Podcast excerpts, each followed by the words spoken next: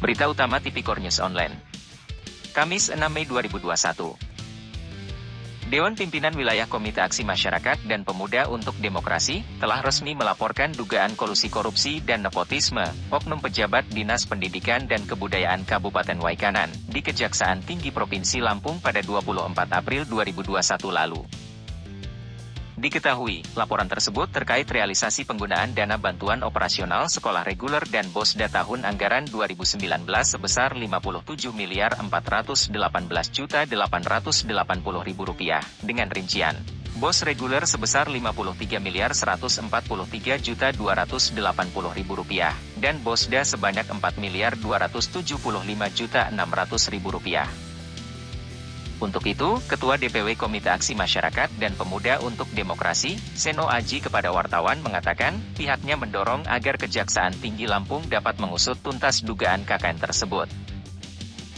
Berdasarkan hasil penelusuran tim investigasi dan advokasi lembaga diperoleh data dan informasi bahwa Dinas Pendidikan dan Kebudayaan Waikanan tidak menetapkan rekening BOS melalui keputusan Bupati. Ungkap Seno Aji di Bandar Lampung, Rabu 5 Mei 2021 kemarin. Dia juga menjelaskan, sekolah negeri di Kabupaten Waikanan yang memperoleh dana BOS sebanyak 361 sekolah terdiri dari 298 SD dan 63 SMP. Masing-masing sekolah membuka rekening bank dalam bentuk tabungan untuk menampung dana BOS. Sedangkan sambungnya, rekening tersebut belum diusulkan oleh Dinas Pendidikan dan Kebudayaan Waikanan dengan keputusan kepala daerah.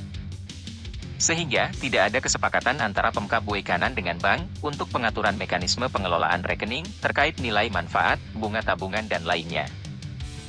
Atas pengelolaan dana BOS tersebut, diduga telah terjadi kolusi, korupsi dan nepotisme, terang aktivis muda ini.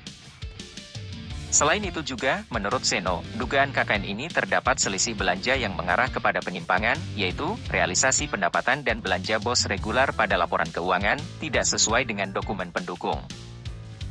Ia mengatakan, perbedaan antara realisasi pada dokumen pendukung pada Dinas Pendidikan dan Kebudayaan, yaitu Rp333.759.500, bebernya. Mau tahu modus KKN Oknum Pejabat Dinas Pendidikan Waikanan terhadap belanja bos regular dan bosda ini? Tunggu berita selengkapnya, akan dibeberkan pada edisi mendatang.